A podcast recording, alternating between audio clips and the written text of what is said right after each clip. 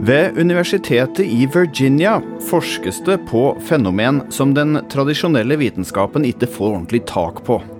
Sentralt i forskningen står ideen om at hjernen ikke er bevissthetens opphav, men at den er et slags filter som bare gir oss tilgang til et utsnitt av en mye større virkelighet. Nå har jeg begynt å se meg rundt på Toten etter folk med erfaringer som kan belyse denne ideen.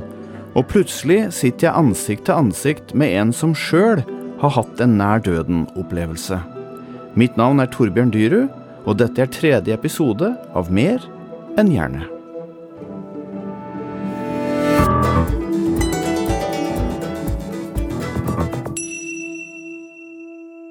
Det viktigste og vanskeligste spørsmålet i denne vakre, store helheten når vi utforsker bevissthet, er jo det skjulte aksiomet hos materialistisk vitenskap, nemlig at bevissthet er skapt av hjernen. Springer ut av hjernen når hjernen slukner, så kan ikke bevissthet eksistere. Det eneste i vitenskap som jeg opponerer mot, er det påstanden der. Et aksiom er ifølge Store norske leksikon en grunnsetning som aksepteres uten bevis. Jeg har fortsatt å leite etter folk på Toten med erfaringer som ikke lar seg forklare innenfor den materialistiske vitenskapen eller fysikalismens rammer. Og nå har jeg satt meg i bil og kjørt ut til Totenvika for å prate med en kar som har flyttet hit for ikke så lenge siden. Han har jobbet som overlege og spesialist i allmennmedisin, og har både doktorgrad og ei rekke bøker på samvittigheten. Etter litt innledende prat slår jeg på mikrofon så han kan få presentere seg. Kameraet går. Kameraet går. jeg heter Audun Mysja. Har um, jobba som lege i en 40 års tid. Og har vært naturterapeut også lenger enn det. Jeg har jobba med mennesker i hele mitt liv. Og har hele tida vært opptatt av et større perspektiv. For det har jeg hatt med meg. Et perspektiv om at vi er mer enn det øyet kan se. og og jeg tror at vi må begynne å, å se mer på hvordan kan vi få et samfunn som kan romme ulike perspektiver, og, og forstå hvordan f.eks. et materielt og et spirituelt perspektiv kan supplere hverandre. I Totenvika driver Audun og Reidun Mysja Senter for livshjelp. Altså Overalt så merker jeg den sydinga og en lengsel etter åndelig erfaring mm. hos mennesker jeg treffer uh, uansett hvilken sammenheng. Så det er en stille bevegelse i samfunnet som ikke fanges opp av den der spørreundersøkelsen 'Er du kristen? Tror du på Gud?'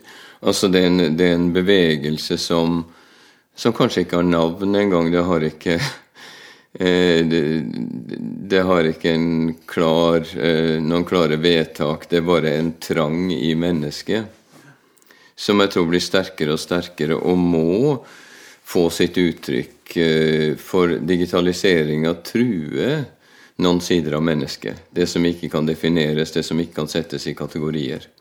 Og Derfor er det viktig at det tas fram.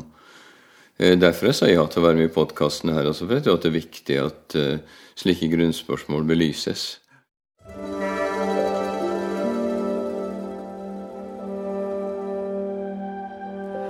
Det er høst, og jeg er 15 år. Dagene mine er fylt med musikk, humor, følelser, mening og tilhørighet. Jeg har det godt og trygt. I sentrum for alt jeg holder på med, står TenSing. Det er 1989, og TenSing engasjerer tusenvis av tenåringer over hele landet. Bare på Toten fins det tre kor.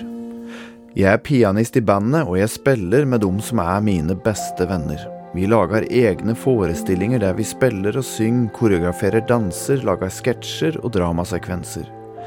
I tillegg til at jeg har gode og empatiske foreldre som viser at de er glad i meg, så er det fotfestet i dette miljøet som gjør meg trygg. Han far er lensmannsbetjent og lidenskapelig opptatt av kormusikk. Mor er lærer og synger i koret som en far dirigerer. På onsdagskvelder ser jeg på Dynastiet, mens mor og far er på korøvelse i Hoff kirkekor. Høsten 1989 reiser en far på studietur til England. De er 30 organister og én lensmannsbetjent på tur. De fordyper seg i engelsk kirkemusikk ei uke til ende, og det som gjør aller størst inntrykk på en far, er besøket til guttekoret ved Kings College i Cambridge, som har sunget daglig i kapellet der siden 1441. Når en far kommer fra England, har han med seg en CD han har kjøpt med to store franske korverk, to requiem, som de kalles. Navnet kommer fra det første ordet som synges i disse verka, requiem eternam, dona eis domine. Gi dem evig hvile, Herre. Teksten er hentet fra det katolske begravelsesritualet og er eldgamle. I 2000 år har de båret milliarder av menneskers bønner og håp om et liv etter døden, og de brukes fortsatt over hele kloden. Det er Gabriel Fauré og Maurice Duruflé som har komponert musikken på plata, og særlig Duruflés rekviem gjør et uutslettelig inntrykk. Tonespråket skaper en djup resonans hos meg, jeg har ikke visst at musikk kunne være tonal på denne måten. Musikken har en mystisk egenskap som skaper noe i meg som jeg ikke var klar over at jeg lengta etter. På denne tida er jeg jevnlig i kjørkja. Jeg øver der, jeg spiller konserter og gudstjenester der, jeg forholder meg til det guddommelige og hellige i hverdagen min. Det er en helt naturlig del av oppveksten og miljøet jeg går i, og jeg kan fortsatt kjenne et emosjonelt avtrykk av dette inni meg, på forunderlig vis husker kroppen fortsatt åssen alt var sammenvevd.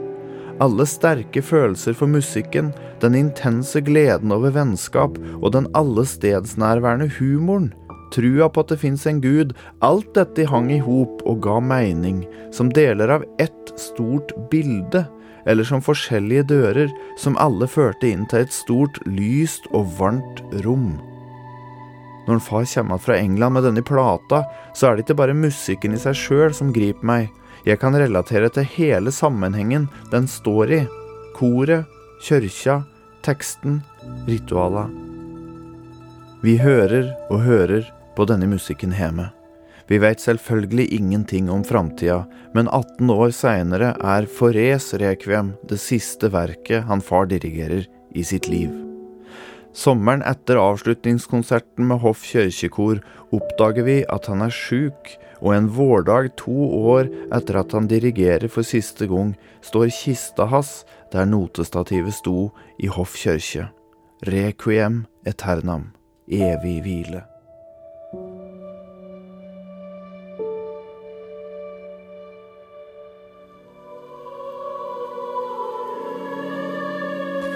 Men denne altomsluttende tryggheten forlater meg gradvis opp gjennom voksenlivet. Når jeg sommeren 2020 befinner meg i mitt livs største krise, er nesten borte. Hva skjedde? Åssen kunne jeg miste den? Og ikke minst, åssen kan jeg finne den igjen?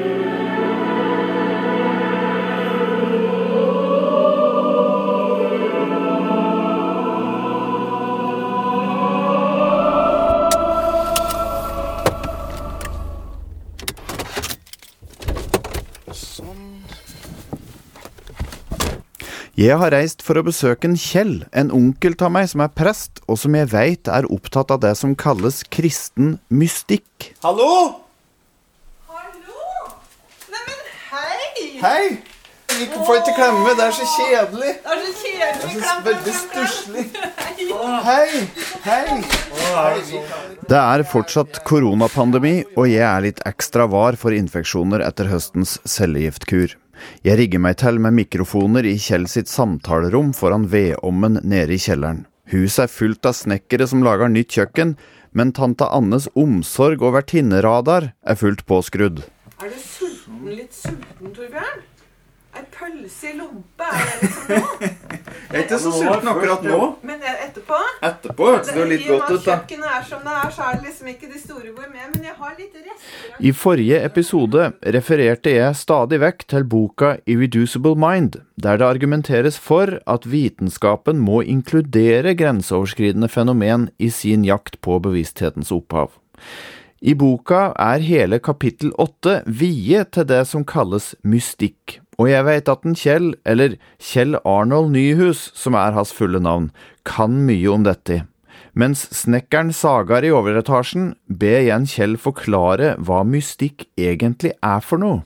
Altså, det er mange måter å definere mystikk på. Det kan godt defineres som en åndsretning, type spiritualitet, som er mer opptatt av erfaring åndelig erfaring enn av doktriner og religiøse konvensjoner og ritualer og sånt. Det er ofte vanlig å skille mellom mystikk og mystisisme. For mystikk er ikke primært sånn som Det er mange folk som bruker det betydningen hallusinasjoner, åpenbaringer, magi, ekstase og den slags. Det er ikke den type mystikk jeg snakker om. Og det skilles ofte, i hvert fall i akademia, skiller en ofte mellom mystisisme og mystikk. da. Jeg liker jo å slå opp i Store norske leksikon, og der står det blant annet I religionene er mystikk en betegnelse på en opplevelse av forening med Gud eller tilværelsens dypeste, innerste virkelighet. Nå har jeg vært prest i 40 år. Jeg mener at det er veldig mange alminnelige nordmenn som, eh, som i praksis er mystikere. Kall det gjerne hverdagsmystikk. Også folk som ikke har merkelappen kristne. Men det er fordi at de har Jeg tror de har oppdaga noe som er felles for ikke bare kristenmystikk, da vi kan ta mystikk i hele tatt. At vi er overbevist om at det fins et overskridende nivå som er tilgjengelig for alle mennesker. Og dette overskridende nivå kan tradisjonelt språk så kan det kanskje da være Gud, ikke sant? Eh, eller Den hellige ånd. Eller, eller det hellige. Eller det som er helt annerledes. Eller noe mer. Eller noe mer. Ja. Det må jo være noe mer. Eller en kraft. Eller en kjærlighet. Lys er jo noe Lyset er jo noe som går igjen i de kristne mystiske språk ofte. Det er jo lysopplevelser, lyserfaringer. Mystikken nå snakker jo om dette om virkelig virkelighet for øvrig. Men at det er et overskridende nivå. Og så kan du si det er utvikla seg massevis av metoder, nesten, kan du kalle det, for å nå dette overskridende nivået. Og det gjelder jo ikke bare innenfor krisentro, men innenfor religionen i hele tatt. Det som skiller det da fra type ideer bare, og filosofier og teorier, er jo at de har utviklet praksiser og metoder for å leve i samsvar med dette overskridende nivået. Og hvordan nær sagt få kontakt med det, og at det kan bli en del av ens personlige integritet og identitet. Da kommer jo sånne begreper som meditasjon, kontemplasjon, bønn sterkt inn i bildet. ikke sant? Det er kanskje på en måte det viktigste. Jeg refererer ofte til ideen om at hjernen bare gir oss tilgang til et utsnitt av en mye større virkelighet. Denne ideen har mange likhetstrekk med mystikkens tru på et overskridende nivå, tilgjengelig for alle mennesker, et noe mer, som mystikeren kaller Gud. Men hva slags Gud?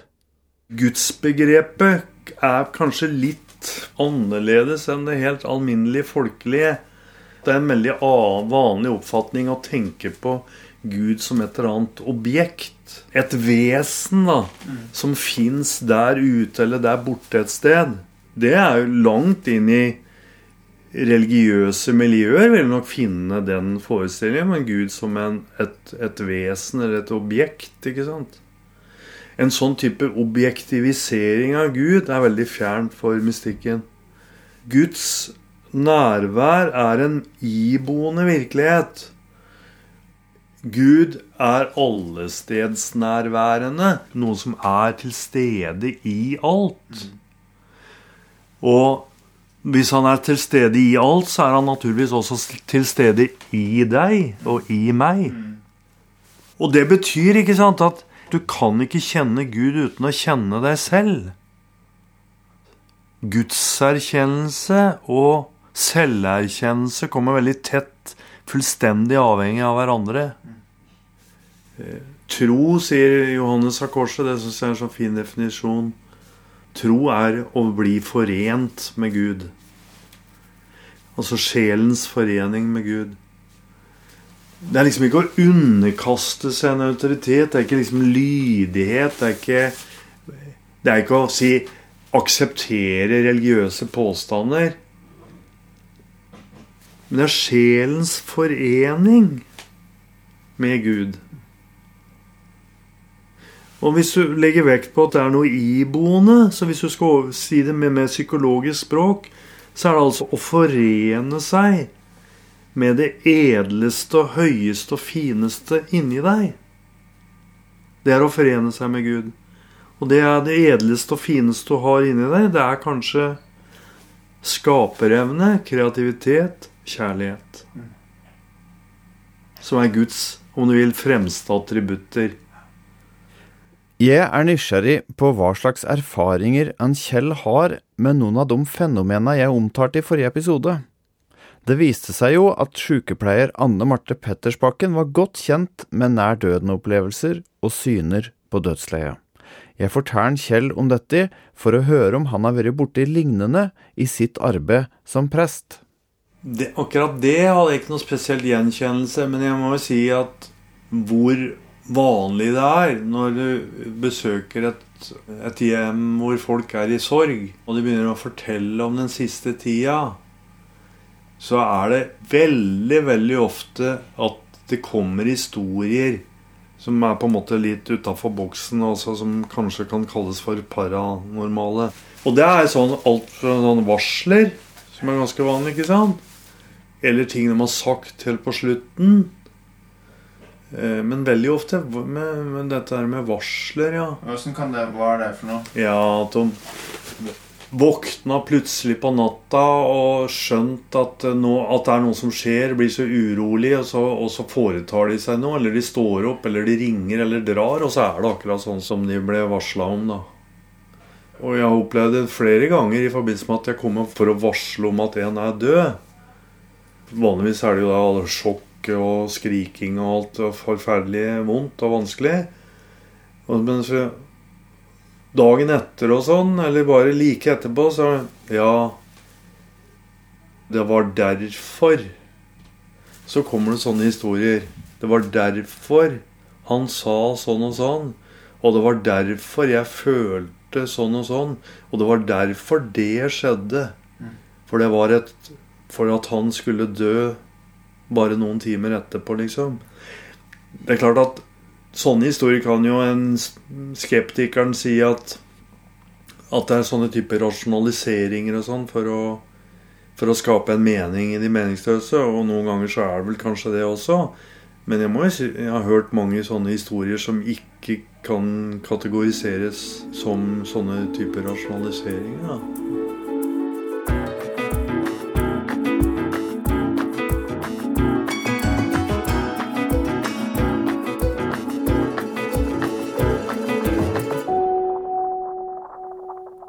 Vi skal tilbake til Totenvika og samtalen med Audun Mysja. Vi har streifet innom det ondes problem.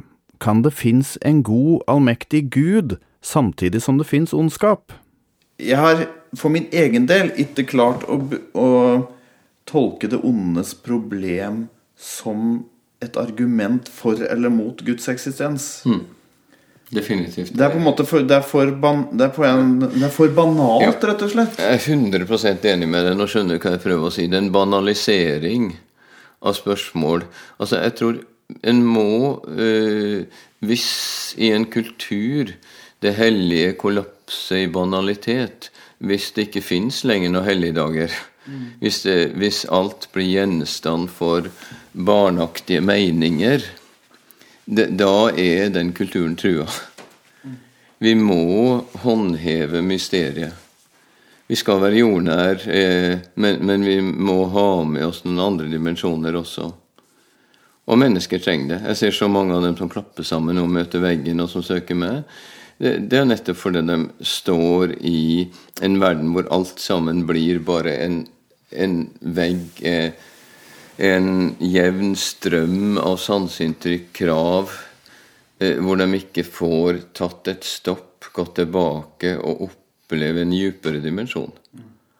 Og eh, hvorfor noen mennesker tåler veldig godt og noen kollapser, det, eh, det kan jo diskutere.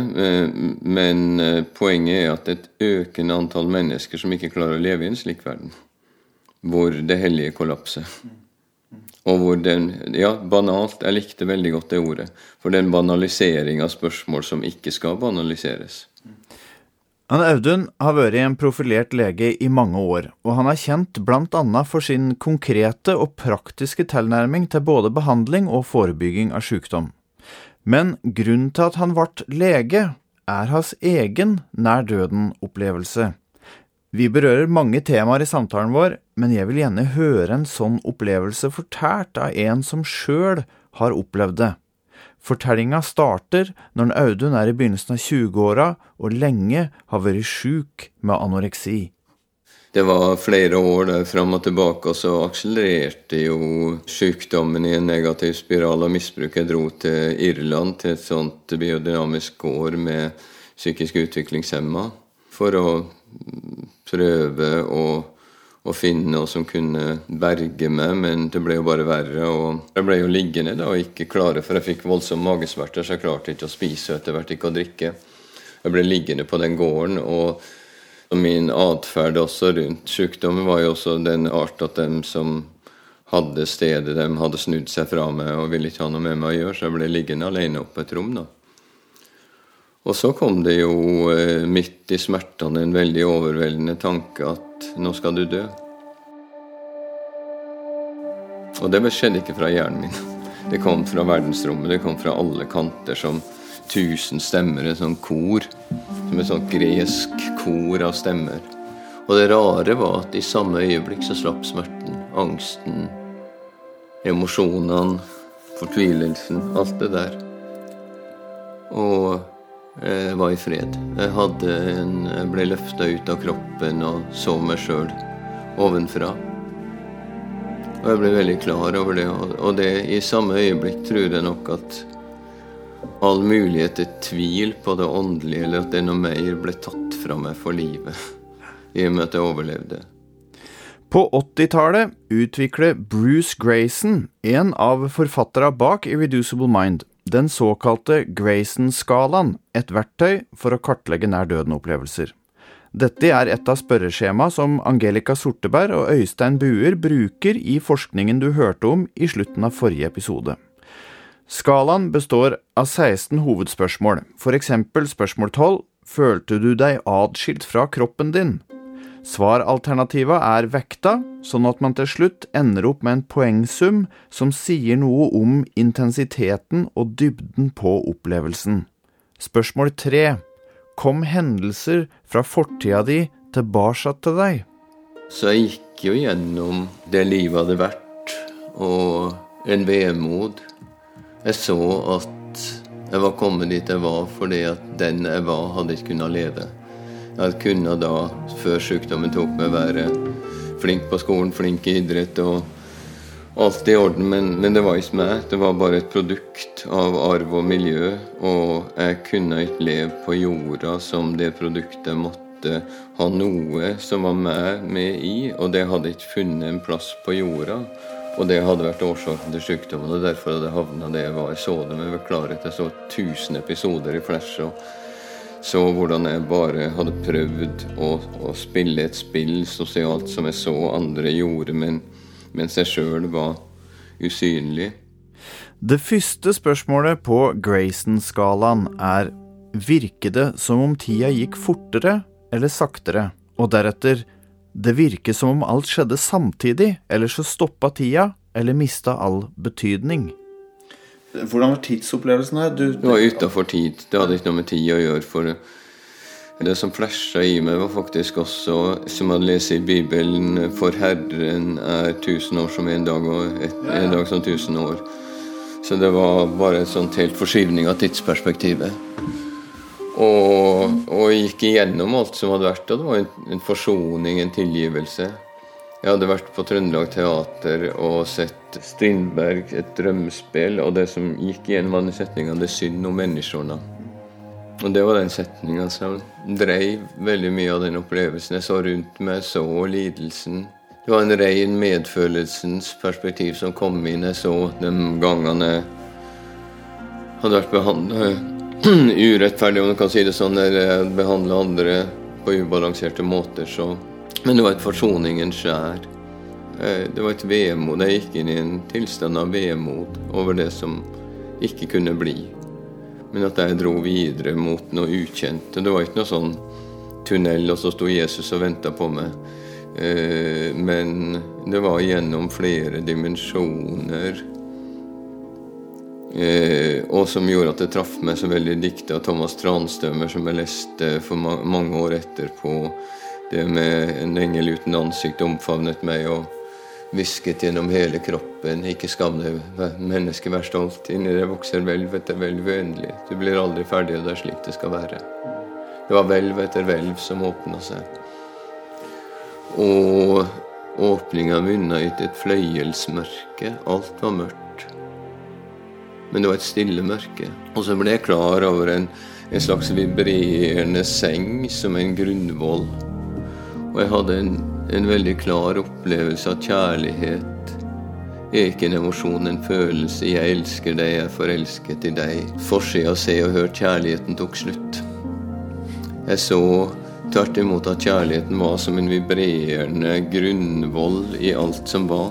Hvis noe er virkelig, så er det kjærlighet, og hvis ja, der det er kjærlighet, så er det noe som er virkelig, og noe som ikke kan forgå. Det er bevissthet og kjærlighet. Den Audun forteller om, skjedde noen år før Bruce Grayson hadde formulert sine 16 spørsmål, og jeg hadde ikke detaljer fra denne skalaen med meg i intervjuet, men jeg hører jo nå at han krysser av i boks etter boks mens han forteller. Spørsmål sju. Hadde du en følelse av harmoni eller enhet med universet? Jeg spør hvor jeget er i denne opplevelsen. Det var en paradoksal situasjon. Den var i ett med, og samtidig i stand til å observere, observere. At du er midt inni det, men så har du samtidig en, en observatør. Det var en observatør som er i stand til det i dag å dra fram minnebildene. Så det var ikke slukt. Det var inni det. Det var ikke som en som står utafra nøytralt. Men det var, et, det var et punkt av en bevissthet om meg likevel. Spørsmål åtte. Såg du eller følte du deg omslutta av et strålende lys? Spørsmål 14. Opplevde du en mystisk skikkelse eller et nærvær eller en stemme som du ikke kunne kjenne igjen? Plutselig i det hele så er det paradoksale skjer at plutselig blir jeg klar over rommet. At det er et rom, men det rommet endrer seg til et lysrom. Det er et rom som blir opplyst. Og der kjenner, står det en skikkelse fram. Den er ikke fysisk, den er ikke ikke-fysisk. Det er ikke Jesus, det er ikke ikke-Jesus. Det kan ikke defineres som noe annet enn tre egenskaper, og det er absolutt visdom, absolutt medfølelse, absolutt kjærlighet. Det en skikkelse som vet alt om meg. Absolutt alt som jeg har levd, alt som jeg er, alt jeg har levd. Mine mørkeste hemmeligheter, men uten å dømme. Det er ikke mulighet til å holde noe skjult for den skikkelsen. Den vet alt. Og den dømmer ingenting. Og den viser meg livet som det var, men fra et annet perspektiv. Mitt misbruk, min sykdom, er spirene til den jeg kan være, den som jeg kan være i verden. Den flinke Audun uinteressant. Og jeg ble også vist en mulighet. Som mange andre med nær døden-opplevelse, så er det en mulighet å gå videre. Men i motsetning til det de andre forteller om, så har jeg ikke en reell mulighet, for jeg vet at bestemmelsen er allerede tatt. Jeg får en kontrakt om å gå tilbake og bli lege. Og vie livet mitt til en utvidelse av et åndelig perspektiv i medisin. Derfor sitter vi her i dag.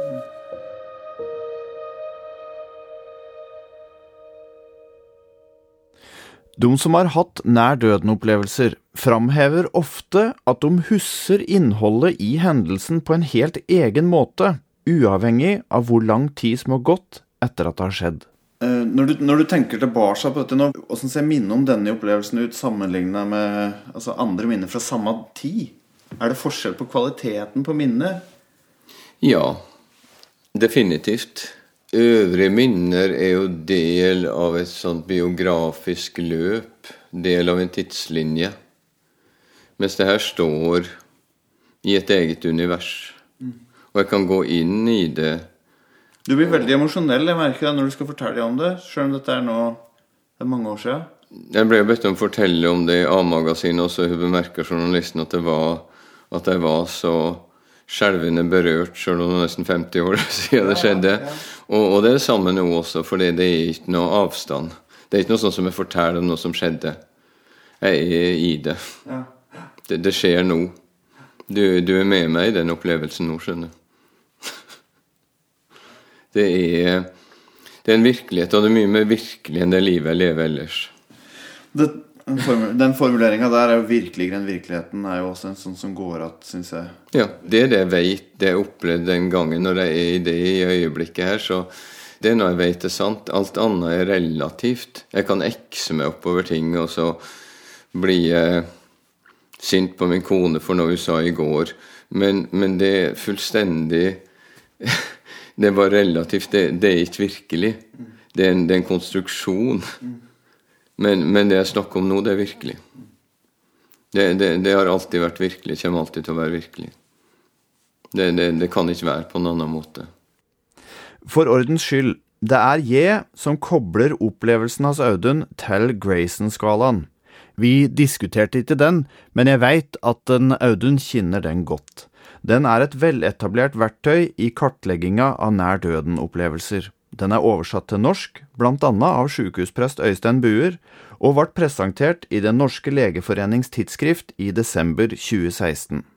I artikkel står det blant annet når pasientene våkner, kan de ofte berette om persepsjoner av lys eller lysende skikkelser. De kan ha hatt hørselsopplevelser og forteller at noen har snakket til dem, ofte om moralske og verdirelaterte forhold. Noen hevder at opplevelsen ble et vendepunkt i livet og førte til endrede livsverdier og livsvalg. Før den opplevelsen så følte jeg meg som verdens ensomste menneske. Det som er nå, er at det er en tilstand jeg aldri opplever, og det er ensomhet. Det er helt umulig for meg å oppleve på noe som helst måte. Og det folk snakker om livet som meningsløst, det har jeg aldri klart å oppleve. Det har aldri vært et øyeblikk hvor jeg har opplevd livet uten mening. Det er det jeg har fått fra den opplevelsen. Og en visshet om at om jeg skulle falle død om i morgen. Jeg ønsker ikke det, for jeg, jeg er blitt mer og mer knytta til jorda, til samfunnet, til det prosjektet menneske og prosjektet liv her på jorda. Så det håper jeg ikke på. Så, så det har jeg ingen ønske om. Men, eh, men jeg veit at den jeg er, kan ikke dø. Det kommer bare til å gå videre. Det vil ikke være den store forskjell, for de dypere intensjonene som ligger i meg, det som, det, det som ikke er avhengig av kropp og personlighet, det vil være med meg. Det jeg snakker fra nå, det kan ikke dø. Og det er, ikke, det er ikke for, det er ikke noe interesse for diskusjoner eller den slags. Jeg er ikke så interessert i det. Og det er ikke noe dogme. Jeg vil ikke danne noen kirke eller ny religion rundt eller påstå eller si til andre at nå må du forstå, sånn er det. Det er ikke der jeg er overhodet. Jeg har ikke noe behov for å promotere noe som helst, men jeg har behov for å snakke sant. For da blir jeg virkelig i verden.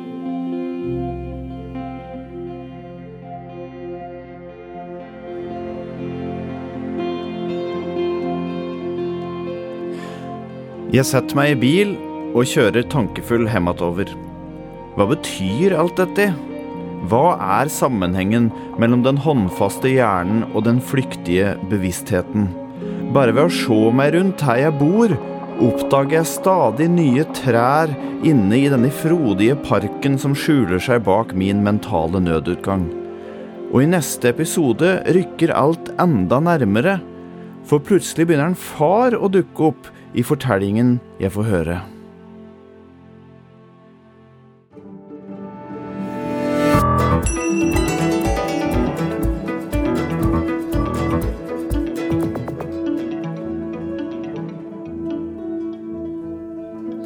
Du har hørt tredje episode av Mer enn hjerne.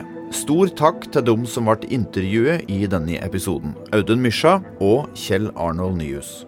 Takk også til Brage Kvasbø og Espen Alknes, som har bidratt med gode innspill underveis. Den himmelske korsangen du hørte da jeg fortalte om far min, er et opptak jeg sjøl gjorde på telefon under en gudstjeneste i Westminster Cathedral, der katedralens guttekor deltar ved messa en helt vanlig fredagsefta i London. Mitt navn er Torbjørn Dyrud, og det er jeg som har gjort intervjuer, skrevet tekster, komponert musikk og klipt sammen det hele.